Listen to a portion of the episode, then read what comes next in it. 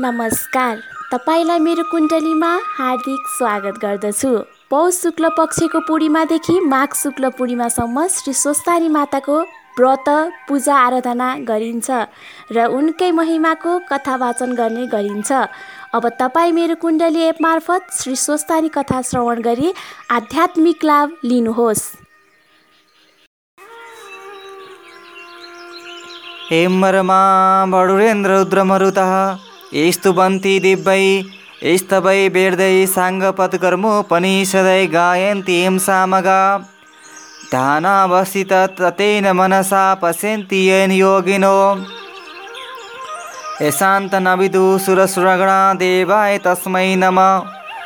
श्रीमर्चन्दचर्तित्वजलवपु शुक्लम्बरामल्लिका मालालङ्कृतकुण्डला पर्वीलसम्मुक्तावली शोभिता।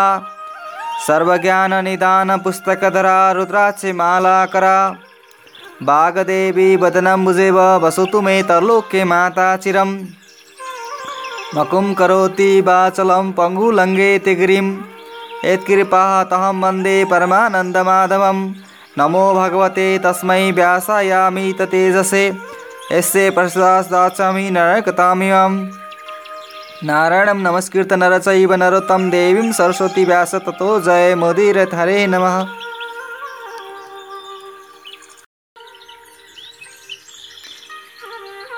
पाँचौँ अध्याय। कुमारजी आज्ञा गर्नुहुन्छ हे घस्ता मुनि तिमीले सोधेको सबै प्रश्नको उत्तर दिइसके अब के सुन्ने इच्छा छ भन। म सबै सुनाउन तयार छु। त्यति सुनि अगस्त्य मुनिले बिन्ती गरे हे कुमारजी त्रिपुरासुरले कसको तपस्या गर्यो? त्यसलाई श्री महादेवले कसरी भस्म पार्नुभयो यो सुन्ने इच्छा छ? त्यो सबै आज्ञा गर्नुहोस्। मुनिको यस्तो प्रश्न सुनेर कुमारजी आज्ञा गर्नुहुन्छ। हे मुनि अघि विष्णु भगवानले हिरण्याक्ष दैत्यको वध गर्नुभयो अनि समस्त दैत्यहरू दुखी भएर खेद गर्न लागे। तब मय नामको दैत्यले मनमा विचार गर्न लाग्यो जस्तो कामदेव नहुँदा रति भएन त्यस्तै त्यो दानवराज मय पनि भयो। अनि बलवान तारकाक्ष र विद्युत प्रवाह नामका आफ्ना मित्र समेत लिई मयले कठोर तपस्या गर्न लाग्यो। ती तिनैजना दैत्यहरू माघ पुसको जाडोमा हिमालयमा गई तपस्या गर्दथे। वैशाख जेठको घाममा पञ्चाङ्नी तापी गर्मी प्रदेशमा तपस्या गर्दथे। यस्तै प्रकारले तपस्या गर्दा गर्दा दस हजार वर्ष बिताए। तिनका देहमा केवल हाड छाला मात्र बाँकी रह्यो। फेरि ती ठुलो सुखबाट पनि वञ्चित भए तैपनि तिनीहरू सूर्य जस्तै तेजिला देखिन लागे। तिनको तपस्याले वर्माजी प्रसन्न भएर ती तिनैजनाको सामुन्ने पुगी नम्र स्वरले आज्ञा भयो हे दैत्यहरूमा श्रेष्ठ भएका वीर हो। तिमीहरूको तपस्याले म प्रसन्न भएँ। जे इच्छा छ सो वरदान माग। वर्माजीको त्यस्तो वचन सुनेर साष्टाङ्ग दण्डवट गरी केवल घुँडाले मात्र भूमिमा स्पर्श गरी हात जोडेर बिन्ती गरे हे प्रभु हजुर प्रसन्न हुनुहुन्छ भने हामीलाई अवद्वय कहिल्यै नमर्ने वर दिनुहोस् बल पराक्रममा पनि ठुलो होस् फेरि विमान समान जो हामी तिन पुर बनाउनेछौँ त्यसमा मनुष्यको गति नहोस् हामी ठुला बलवान हौँ यही वरदान दिनुहोस्। ती दैत्यहरूको त्यस्तो वर मागेको सुनि वर्माजी आज्ञा गर्नुहुन्छ हे दैत्य हो त्यस्तो अवध्य वरदान दिन म असमर्थ छु। मृत्युको अवकाश राखेर अर्को वर माग। म दिन्छु यसमा अन्यथा नमान वर्माजीको त्यस्तो आज्ञा सुनेर मैले फेरि बिन्ती गर्यो हे प्रभु अघि मैले भने जति सबै कुरा होस् मृत्युलाई ती मैले बनाएका पुरहरू एकै स्थानमा रहने छैनन्। जब दस हजार वर्ष पुग्ला तब ती पुरको केवल आधा निवेशसम्म मात्र मेल होस् र त्यही आधा निवेशभित्र जो एक बाणले ती तिनै पुरलाई नष्ट गर्न सकोस् त्यही पुरुष हामीलाई मार्न सकोस्। मयका यस्ता वचन सुनेर तथास्तु भनी वर्माजी आफ्नो लोकतर्फ जानुभयो। तब त्यो मय दानवले संसार नै बस गर्ने इच्छा लिएर आदिकल्पमा तिन पुरको रचना गर्दोभयो ती तिन पुरमा पहिलो फलामको दोस्रो चाँदीको र तेस्रो सुनको बनायो। ती तिन पुर आकाशमा सुमेरु पर्वतका श्रृङ्ग हुन्की जस्ता देखिन लागे।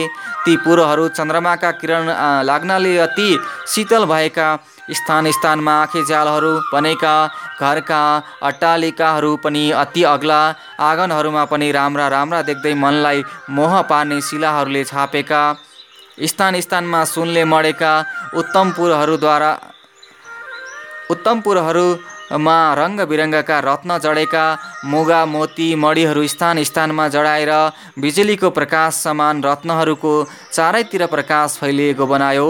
फेरि चित्र विचित्र प्रकाश फैलाउने गरी हिरा मोती आदि रत्न जडेको वायुको बेग लाग्नाले फरफराएका पताकाहरूले शोभायमान भएको घरहरूमा पङ्क्तिहरू पनि रत्न समूहका थुप्रा नै हुन् कि भन्ने भान पार्ने फराकिला मार्गहरू पनि सिँगारिएका अत्यन्त राम्रा पुर तयार गरायो। घर महलहरू पनि अनेक रङ्गका मन हरण गर्ने रत्नहरूले सुशोभित ध्वजा पताकाहरूले सिँगारेर ती विमान जस्ता तिनपुरलाई शोभायुक्त बनायो। अनेक रत्न जडेका गमलाहरूमा रङ्ग बिरङ्गका जात जातका उत्तम उत्तम सबै ऋतुमा फुल्ने फुल र त्यस्तै छवटै ऋतुमा फल्ने फलका वृक्षहरू लगायो।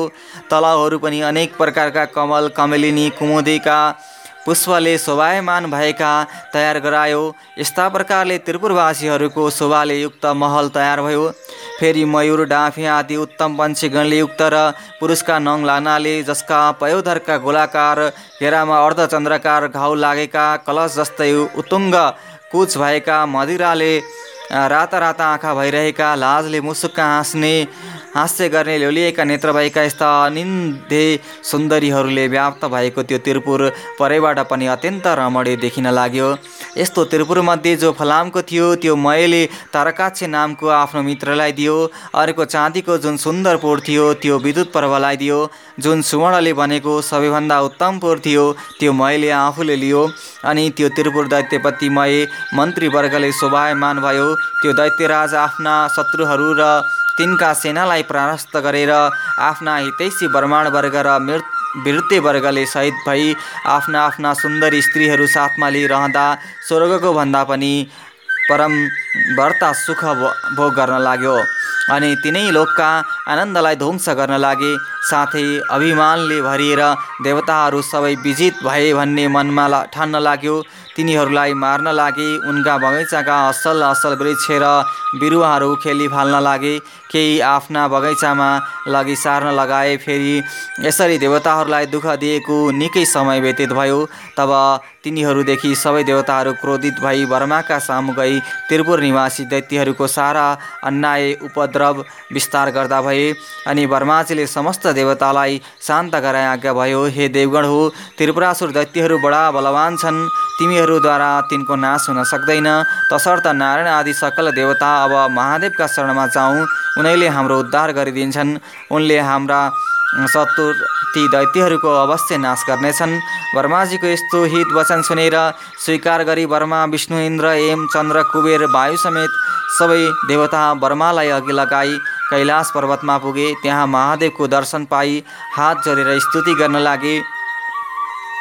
हे पिनाकधारी हे चन्द्रमौले हे त्रिलोकेश्वर सोर हे अमित पराक्रमी हजुरलाई कोटि कोटि नमस्कार। हे चन्द्रशेखर हे त्रिलोक देव हे चन्द्रमौली हे जटा जुटधारी नीलकण्ठ हजुरलाई कोटि कोटि नमस्कार। संसारलाई शरण लिने नन्दीलाई वर दिने देवताका पनि देवता यस्ता हजुरलाई कोटि कोटि नमस्कार। थोरै सेवाले पनि प्रसन्न भएर वर दिने यज्ञका मालिक हिमालयमा निवास गर्ने यस्ता हजुरलाई कोटि कोटि नमस्कार। योगीहरूले सदैव ध्यान गरिने जगतको वैभवलाई तुच्छ ठान्ने धर्ममा दृढ रहने दिशारूपी वस्त्र धारण गर्ने भक्तलाई वर दिने ब्रह्माण्डका धाता विधाता यस्ता हजुरलाई कोटि कोटि नमस्कार छ। सूर्य चन्द्र इन्द्र वायु आदि देवताको सृष्टि र पालन गर्ने यस्ता हजुरलाई कोटि कोटि नमस्कार। सूक्ष्मभन्दा पनि अति सूक्ष्म काल स्वरूप नित्य स्वरूप धारण गर्ने यस्ता हजुरलाई कोटि कोटि नमस्कार। परभन्दा पनि पर परब्रह्मा स्वरूप शङ्करलाई कोटि कोटि नमस्कार छ। सारा ब्रह्माण्ड धारण गर्ने सूर्य चन्द्र वायु अग्नि र जल एवं आकाशको रचना गर्ने यस्ता हजुरलाई कोटि कोटि नमस्कार छ। हे सौम्य हे पुरुषोत्तम हे वपुष्वान तर्लुकेको सृष्टि स्थिति सन्हार गर्ने यस्ता हजुरलाई कोटि कोटि नमस्कार छ। पुसाको दाँत दाँत भाँच्ने दक्षको यज्ञ नाच्ने र कामदेवलाई भस्म पार्ने यस्ता हजुरलाई कोटि कोटि नमस्कार छ। सुरासुरका उत्पन्नकर्ता यज्ञका हर्ता धर्ता हे शिखण्डिनी हे नीलकण्ठ हजुरलाई कोटि कोटि नमस्कार छ। निरन्तर सुधा स्वरूप पार्वतीका भर्ता गणेश कुमारका पिता हजुरलाई कोटि कोटि नमस्कार। सदा मोक्ष रूप वरदान दिने हे विश्वेश्वर हे परमात्मन हे वरदाता हजुरलाई कोटि कोटि नमस्कार छ। हे योगेश्वर हे चण्डीश्वर हे रुद्र हे सर्व हे शम्भो हे भीम हे ईश्वर हजुरलाई कोटि कोटि नमस्कार छ। हामीदेखि प्रसन्न हुनुहोस्। देवताहरूले कातर भएर यस्तो स्तुति गरेको सुनि तिनका मनको भाव जानी शिवले आज्ञा गर्नुभयो हे देवता हो जे इच्छा छ सो वर माग। मैले नदिने संसारमा केही वस्तु छैन। म इच्छा पूर्ण गर्न तयार छु। जे इच्छा छ निशङ्क भएर माग। महादेवको यस्तो आज्ञा सुनि प्रसन्न भएका देवताले विनम्र स्वरमा बिन्ती गरे हे ईश्वर बर्माको वरले उत्पन्न उन्मत्त भएका मय आदि दानवले हाम्रा उर्वशी मेनका आदि अप्सराहरू बल जपत लुटेर लगे। नन्द नन्दन वनका असल असल बोट बिरुवा पनि कति उखेलेर नासे कति आफ्ना घर ओसारे। देवताको नाश गर भन्दै हामीलाई अनेक तरहको कष्ट दिइरहेका छन्। अमरावतीबाट पनि निकालियौँ। भगवान् ती दैत्यको संहार गर्न बर्मा विष्णु पनि समर्थ छैनन्। हे ईश्वर अब जसरी हामी देवताहरूको भलो हुन्छ सोही वरदान बक्सियोस् त्यति सुनि शिवजीले फेरि भन्नुभयो हे देवता हो तिमीहरू मेरो रुद्र तेजको एक अंश धारण गरी रुद्र तेजोमय रूपले ती दानवहरूको संहार गर। शिवजीको त्यस्तो वचन सुनि देवताहरूले फेरि बिन्ती गरे हे भगवान् हामी हजुरका तेजको हजार अंशको एक अंश पनि धारण गर्न समर्थ छैनौँ। भने रुद्र तेज धारण गर्ने कुरा त परै रहोस्। हेर्ने शक्तिसम्म पनि हामीमा छैन हे प्रभु। हामी उप प्रसन्न भएर त्यो अजय त्रिपुरासुरलाई स्वयं संहार गरिबक्सनुहोस् ब्रह्माजीको वरदान अनुसार दिव्य दस हजार वर्ष बितेपछि आधा निवेश त्रिपुरको मिलन हुनेछ। त्यही आधा निवेशभित्रमा त्यो त्रिपुरलाई जसले एकै बाणले भस्म पार्ला उसैद्वारा ती दैत्यहरूको नाश नाश हुनेछ। अन्यथा तिनको मृत्यु हुने छैन। हे शशिशेखर हामीदेखि प्रसन्न भई त्यो वापिष्ट त्रिपुरासुरको नाश गरी बक्सियोस्। देवताहरूको त्यस्तो प्रार्थना सुनि शिवजीले फेरि आज्ञा भयो हे देवता हो त्यस्तो अवैध त्रिपुर छ भने तिमीहरूको हितका निम्ति म एक एउटै बाणले ती त्रिपुरलाई भस्म पारिदिनेछु। त्यस्ता अजय दानवहरूका साथ युद्ध गर्दा मेरो शक्ति थाम्न सक्ने हिमालय समान मेरो निम्ति एउटा रथ तयार पार अनि म युद्धमा जानेछु। महादेवको यस्तो आज्ञा सुनि प्रसन्न भएका देवताहरूले प्रणाम गरेर होस् भनी तत्काल विश्वकर्मालाई डाकी महादेवको निमित्त समस्त देवताहरू अभय भएको सुवर्णमय रथ तयार पारे। त्यस रथका दुवै पाङ्रा सूर्य चन्द्र भए। दक्षिण पाङ्रामा बाह्र सूर्य भूषण गराइयो बायाँ चक्रमा सत्ताइस नक्षत्र र षोडशकला आभूषण गराइयो। छ ऋतु रथका दायाँ बायाँ राखी आकाशको गजुर र पाङ्रा अड्डाउने दण्ड मन्द्राचलको बनाए ऐन र सम्वत्सर रथका बेग भए चार समुद्र रथका कुण्डलिका भए गङ्गादि समस्त तीर्थ राम्रा राम्रा वस्त्र आभूषण पहिरी स्त्री रूप धारण गरेर हातमा चमरली रथमा उभिए सारथी स्वयं वर्माजी बने वर्मा स्वरूप ओमकारको कोर्रा बनाए र विन्ध्याचलको छत्र निरूपण गरे मन्द्राचलको पार्श्वदण्ड बनाए। सरस्वती घण्ट भइन्। श्री नारायण अग्निबाणको टुप्पो भए चार वेद नै चार घोडा भए ताराहरू घोडाका गहना भए हेगस्ता मुनि यसरी समस्त वस्तु त्यस रथका अवय भए। यसरी जब धनु बाणसहित रथ तयार भयो तब पृथ्वी र आकाश कम्पित पार्दै भगवान् शिव त्यस रथमा अरुण हुनुभयो।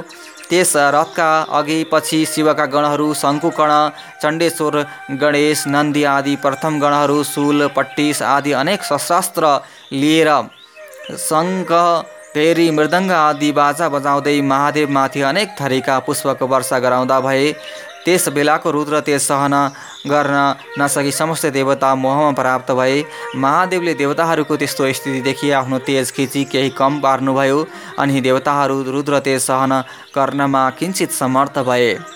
त्यसपछि नारद मुनि ती दैत्यहरू कहाँ गएर भन्न लाग्नुभयो? हे दैत्यराज देवताहरूको स्तुतिले प्रसन्न भएका महादेव स्वयं तिमीहरूको संहार गर्न भनी आइरहनु भएको छ। अब तिमीहरूको जो इच्छा छ सो सो गर नभए तिमीहरूको अविलम्ब नाश हुनेछ। नारदजीका यस्ता वचन सुनि दत्यराज मैले आफ्ना मित्र ताराकाक्षे विद्युतमाली र अनन्य योद्धाहरूलाई डाकी नारद मुनिले आज्ञा भएको सबै कुरा विस्तारले सुनायो। अनि दानवमा उत्तम बलवान भएको ताराकाक्षले भन्यो हे राजन किन चिन्ता गर्नुहुन्छ? देवताहरू यथार्थ रूपमा हाम्रा बद्ध छन्। यो त्रिपुर भेदन गर्ने कसको पराक्रम वा शक्ति छ? यदि समस्त देवता यक्ष गन्धर्व किन्नर आए पनि यो त्रिपुर अभेद्य नै रहनेछ फेरि शत्रुलाई जित्न साम दाम दण्ड भेद आदि अनेक किसिमका नीति छन्। अत जित्ने इच्छा भएका बलवान शत्रुलाई आफ्नो पराक्रमद्वारा दण्ड दिनु नै उचित छ। वीर ताराकाक्षको यस्ता कुरा सुनि विद्युतमाली भन्न लाग्यो हे राजन श्रीहीन र बलहीन देवता कुनै प्रकारले पनि हामीसित युद्धमा अगाडि आउन सक्दैनन्। यदि कोही मूर्खता गरेर हामीसित युद्ध गर्न अघि सर्छ भने त्यो अवश्य क्षयमा प्राप्त हुनेछ। यसमा संशय छैन। हे राजन यसमा चिन्तित हुनुपर्ने केही कुरा छैन। एकमत भएर युद्ध गरौँ। अनि समस्त देवतालाई जितेर इन्द्रको पद पनि भोग गर्नुहोस्। फेरि अहिका हिरण्याक्ष र हिरण्यकशिपुको को बदला लिनै पर्छ। चौध भुवनको अकण्टक राज्य भोग्नुहोस्। विद्युत मालिका त्यस्ता कुरा सुनेर मैले शान्त स्वरमा भन्यो हे दैत्य हो सुन्यौ अब हाम्रो नाशको बखत आइपुग्यो। यति भनेर देह कम्पित पार्दै र शिर हल्लाउँदै फेरि भन्न लाग्यो जो शत्रु आफूभन्दा बलियो वा निर्बल छ भने त्योसित साम दाम दण्ड भेद आदि नीतिको प्रयोग गर्न सकिन्छ। तर यी त सम्पूर्ण जगतका स्वामी श्री महादेव हुन्। उनी दानव र देवताभन्दा धेरै व्रता श्रेष्ठ छन्।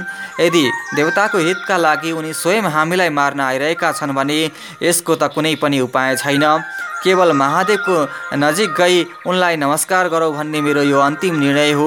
यदि हामी धन उदण्ड झैँ कठोरता धारणा गरेर उनका सामु युद्ध गर्न गयौँ भने केवल उनको दृष्टिपात मात्रले नै भस्म हुनेछौँ। ब्रह्मादि देवता पनि दुखी भएर जसका शरणमा जान्छन् आज उनै ईश्वर हाम्रो नाश गर्न आइरहेका छन् भने हाम्रो के गति होला भन्न सकिन्न? जो छेड मात्रामा सम्पूर्ण सृष्टि पालन र नाश गर्न सक्दछन् फेरि जो जगतका कारण र मुक्तिदाता पनि हुन् ती महादेवसित युद्ध गरेर हामी कसरी जित्ने आशा गर्न सक्दछौँ? हे वीर हो हाम्रो विधिहीन तपले के हुन सक्दछ? फेरि त्यसको फल हामीहरूले धेरै वर्षसम्म भोग गरिसक्यौँ। अत म भन्दछु हे दानवीर हो तिमीहरू त्यो सबै यतिखेर कालले प्रेरित छौ त्यसै कारण युद्ध गर्न तम्सिरहेका छौ। मयको त्यस्तो कुरा सुनि नारद मुनि उन्मत्त दैत्यहरूको मृत्यु रूप यो कुरा भन्न लागे हे दानवराज अब तिमीहरूको तपस्याको फल सकियो। यदि सङ्ग्राममा पछि हटेर नपुंसक झैँ देवताहरूको शरणमा जानुभन्दा त सङ्ग्राममा लडी वीर गति पाउनु नै उत्तम ठान्दछु। यदि शिवका हातबाट भर्न पायो भने उनका प्रथम गणको अधिपति पनि हुन सक्दछौ। सङ्ग्राम नगरेर शरण पर्न गयो भने पनि तिम देवताको हितका लागि तिमीहरूलाई नमारी छाड्ने छैनन्।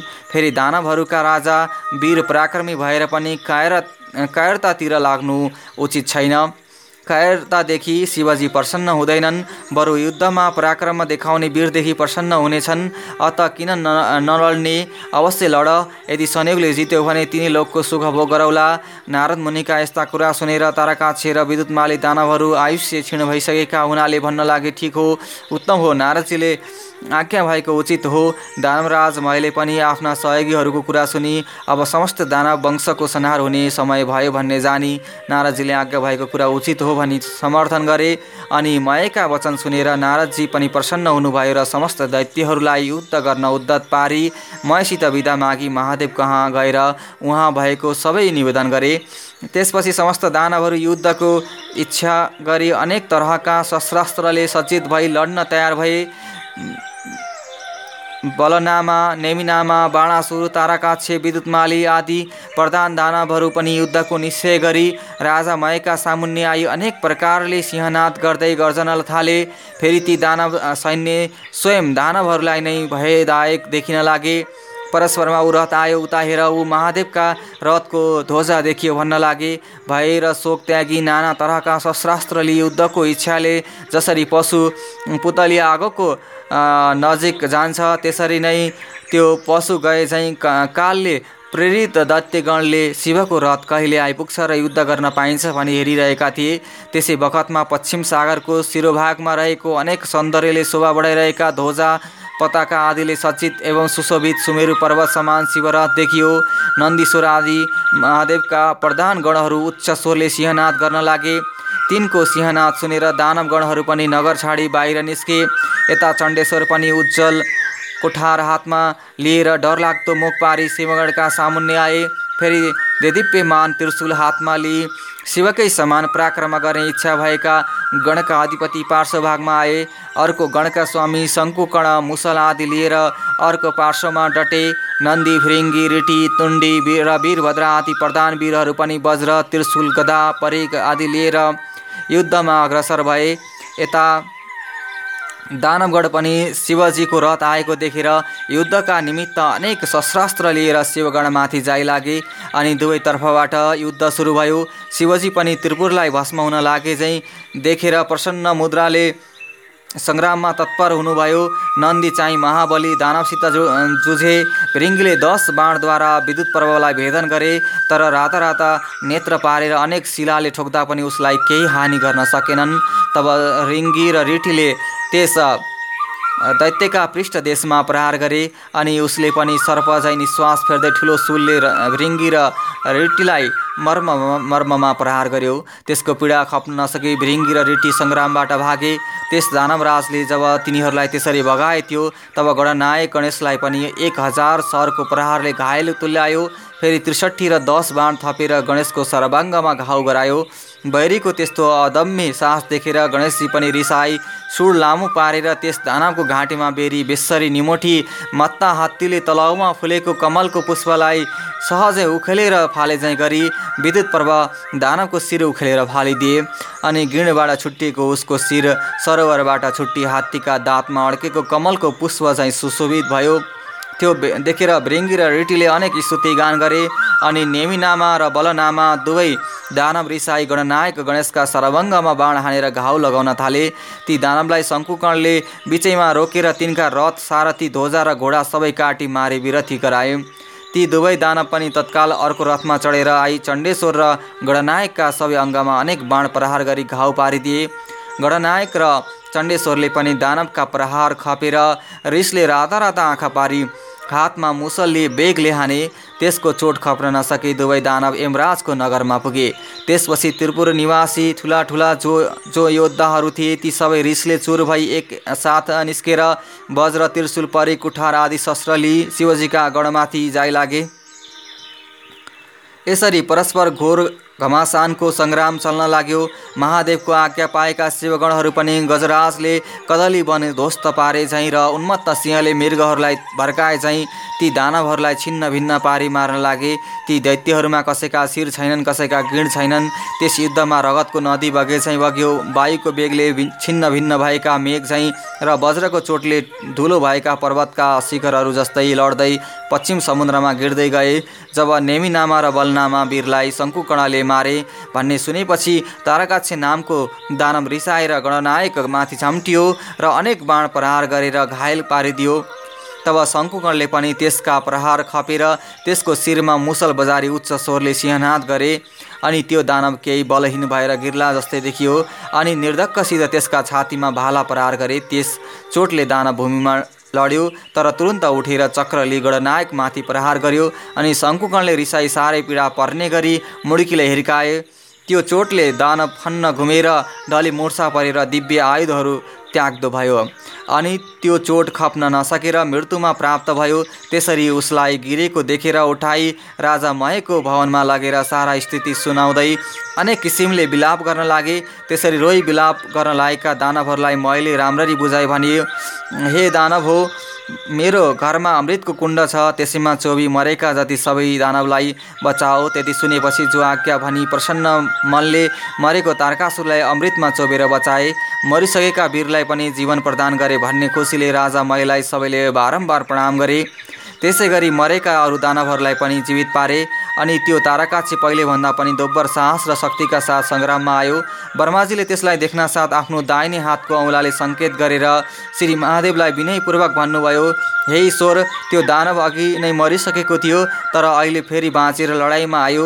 मयका घरमा अमृतको कुण्ड छ त्यसले मरेका समस्त दानवलाई बचाउनेछ। अत हे शिव त्यसका घरमा अमृत रहेसम्म मरेका दानवलाई बराबर बचाइरहनेछ। यसकारण एक बाण प्रहार गरेर त्यो अमृत सोसिलिनु पर्दछ ब्रह्माजीको वचन मानेर शिवले एक बाण प्रहार गरी सारा अमृत सोसिलिनुभयो वर्माजीले फेरि विनयपूर्वक बिन्ती गरे हे प्रभु अब त्यो बाण प्रहार गर्नुहोस्। मैले त्रिपुरसितको युद्ध अगाउन्जीदेखि लड्दा लड्दा आज दस हजार वर्ष वर्ष बिसिसक्यो तर त्यसको नाश हुन सकेन। अब त्यो बाण शीघ्र छाड्नुहोस् अनि बैरीको नाश होला। ठिक उसै बेला ती तिन कुरोहरू आधा निमेषसम्म जोरी फेरि छुट्टिनेछन्। ती पुरोहरू एकपल्ट जोरिएर छुट्टिएपछि जति बाण प्रहार गरे पनि सफलता प्राप्त हुन सक्दैन।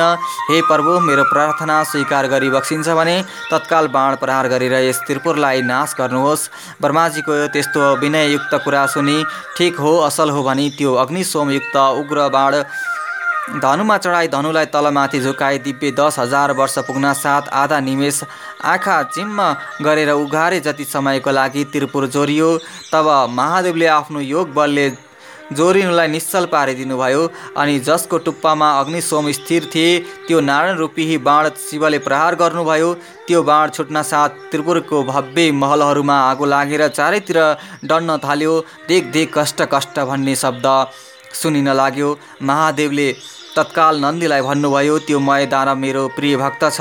त्यसलाई अग्निले नडराउन् श्री महादेवको त्यस्तो आज्ञा पाउन साथ वायुरूप भई बाणभन्दा पनि बेग्ले गई। मयको घरमा नन्दीले देखे राजा मय शिवलिङ्ग सामुन्ने राखी उनकै ध्यान गरिरहेको छ। तब नन्दीले मयलाई भने अग्निले तिमीलाई जलाउने छैनन्।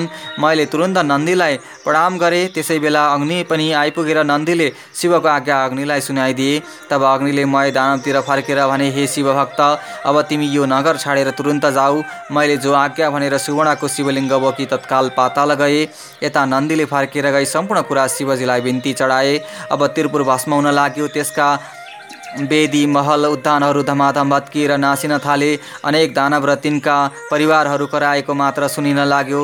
वस्त्र खुस्केका अनेक सुन्दरी स्त्रीहरू घरबाट बाहिर निस्किरोए कराएको चर्को स्वर सुनिन लाग्यो। अग्ला अग्ला महल र विमानहरूमा रहेका कठोर र उच्च स्तन भएका मतले विवल नेत्र भएका आफ्ना आफ्ना पतिका अत्यन्त प्रिय नारीहरू अग्निबाणले डराई घर घरमै यताउता दगुर्न र कराउन थाले। जस्तै पर्वतमा भूमिकम्प हुँदा त्यहाँका किन्नरहरू भएले व्याकुल हुन्छन्। त्यस्तै आफ्ना पतिलाई भएले व्याक व्याकुल भई अङ्कमाल गर्न थाले। कोही डराई भाग्न लागे कतिपय दानवगण आफ्ना आफ्ना स्त्रीहरूलाई बोकेर नगर छाडी बेगले भाग्न लागे। शिवको भक्तिले हिन र वस्त्राभूषणले पनि हिन। पर्वताकार देख्दैमा डर लाग्दा काला र काला दानवहरू डढेर सागरमा खस्न लागे। जति दानवहरू समुद्रमा खसेथे ती सबैलाई जलका अनेक जन्तुले खान थाले। कति दानवहरू त आफ्ना पति वा पत्नीको अवस्था देखेर खप्न नसकी आगोमा डढेर मरे। रतिका अन्तमा खेदित भएका तर तुरुन्त कामले पीडित भई प्रियका साथ जाउँ भन्ने इच्छा भएका ती कति दैत्यहरू भार्यासहित अग्निमा डढेर मरे। कोही समुद्रमा हाम फाली जल जन्तुको भोजन भए कोही आधा डढेर कोही भाग्दा लडेर स्वाहा भए। यस प्रकार त्यो अमोघ अग्नि सोमयुक्त बाणले त्रिपुर भस्म पारी शेष नगर समुद्रमा डुबाई फेरि भगवान् शिवको हातमा आइपुग्यो। त्यस्ता प्रकारले अवेद्य त्रिपुर भस्म भएपछि देवताहरू आफ्ना आफ्ना अधिकार पाई शिवजीलाई प्रणाम गरेर स्तुति गर्न लागे। हे रुद्र आज हजुरद्वारा जुन रौद्र कर्म हुन गयो। त्यो अन्य कसैबाट पनि न कहिले भएको थियो न फेरि हुनेछ हे शङ्कर। यो कामले हामी समस्त देवताहरूको कष्ट निवारण गरिदिनु भयो अत हजुरलाई कोटि कोटि नमस्कार छ। यस्तो देवगणले स्तुति गरेको सुनि महादेव प्रसन्न भएर आज्ञा भयो हे देवता हो आफ्ना प्रिय भक्तजनलाई सदैव पुत्र जस्तै स्नेहपूर्वक पालना गर्नुपर्दछ। आज त्रिपुरवासी दानवहरूको संहार हुन गएकोले तिमीहरूको इच्छा पूर्ण भयो। अब तिमीहरू खुसी साथ आफ्ना आफ्ना आश्रममा जाऊ श्री महादेवले यस्तो आज्ञा भएको सुनि महादेवलाई दण्डवट प्रणाम गरी देवताहरू आफ्ना आफ्ना लोकमा जाँदा भए। देवताहरू गएपछि नन्दी भिरिङ्गी भूत प्रेत पिचास डाकिनी साकिनी सहित भएर शिवजी कैलाशपुरी पाल्नुभयो। हे अगस्तामुनि यो सहसा कसैले वर्णन गर्न नसकिने त्रिपुर दह मैले सुनाएँ। जो शिवभक्त खुसीका साथ यो कथा सुन्ला वा सुनाउला त्यो समस्त पापबाट मुक्त भएर मरेपछि शिवको पार्षद भएर सधैँ कैलाशमै बस्न पाउनेछ। इति श्री स्कन्द पुराणे केदारखण्डे माघमात्मे कुमार अगस्त सम्वादे श्री स्वस्थानी परमेश्वरी व्रत कथाया त्रिपुरदाहवरण नाम पञ्चमोध्याय हरे नमः। उपनयेतु मङ्गलव सकल जगन्मङ्गलालय। श्रीमान् निबोधित नवनलिनदलनिवीक्षणः कृष्णकाले वर्षतु। पर्जन्ये पृथिवी सस्याशालिनी देशोऽयं शुभरहितो वर्माणा सन्तु निर्भया। अपुत्रा पुत्रिण सन्तु पुत्रिण सन्तु पौत्रिण। निर्धना सदना सन्तु जीवन्तु सरदा शतं तत्रैव गङ्गा यमुना च तत्र गोदावरी सिन्धु सरस्वती च। तीर्थानि सर्वाणि वसन्ति तत्र यत्राच्युतद्वारा कथा प्रसङ्ग। या कुन्देन्तु तुषहारहारधवला या शुभ्रवस्त्रावृता या वीणावरदण्डमण्डितकरा या श्वेता पद्मासना। या वर्माच्युतशङ्करप्रवृत्ति दीर्घै सदा वन्दिता। सामं पातु सरस्वती भगवती निःशेषजाटेपः कायेन वाचा मनुष्येन्द्रियर्वा बुधत्मना वा प्रकृतिस्वभावत् करोमि यद्यत् सकलं परस्मै नारायण इति समर्पये तत् श्रीस्वस्थानि दिव्यार्पणमस्तु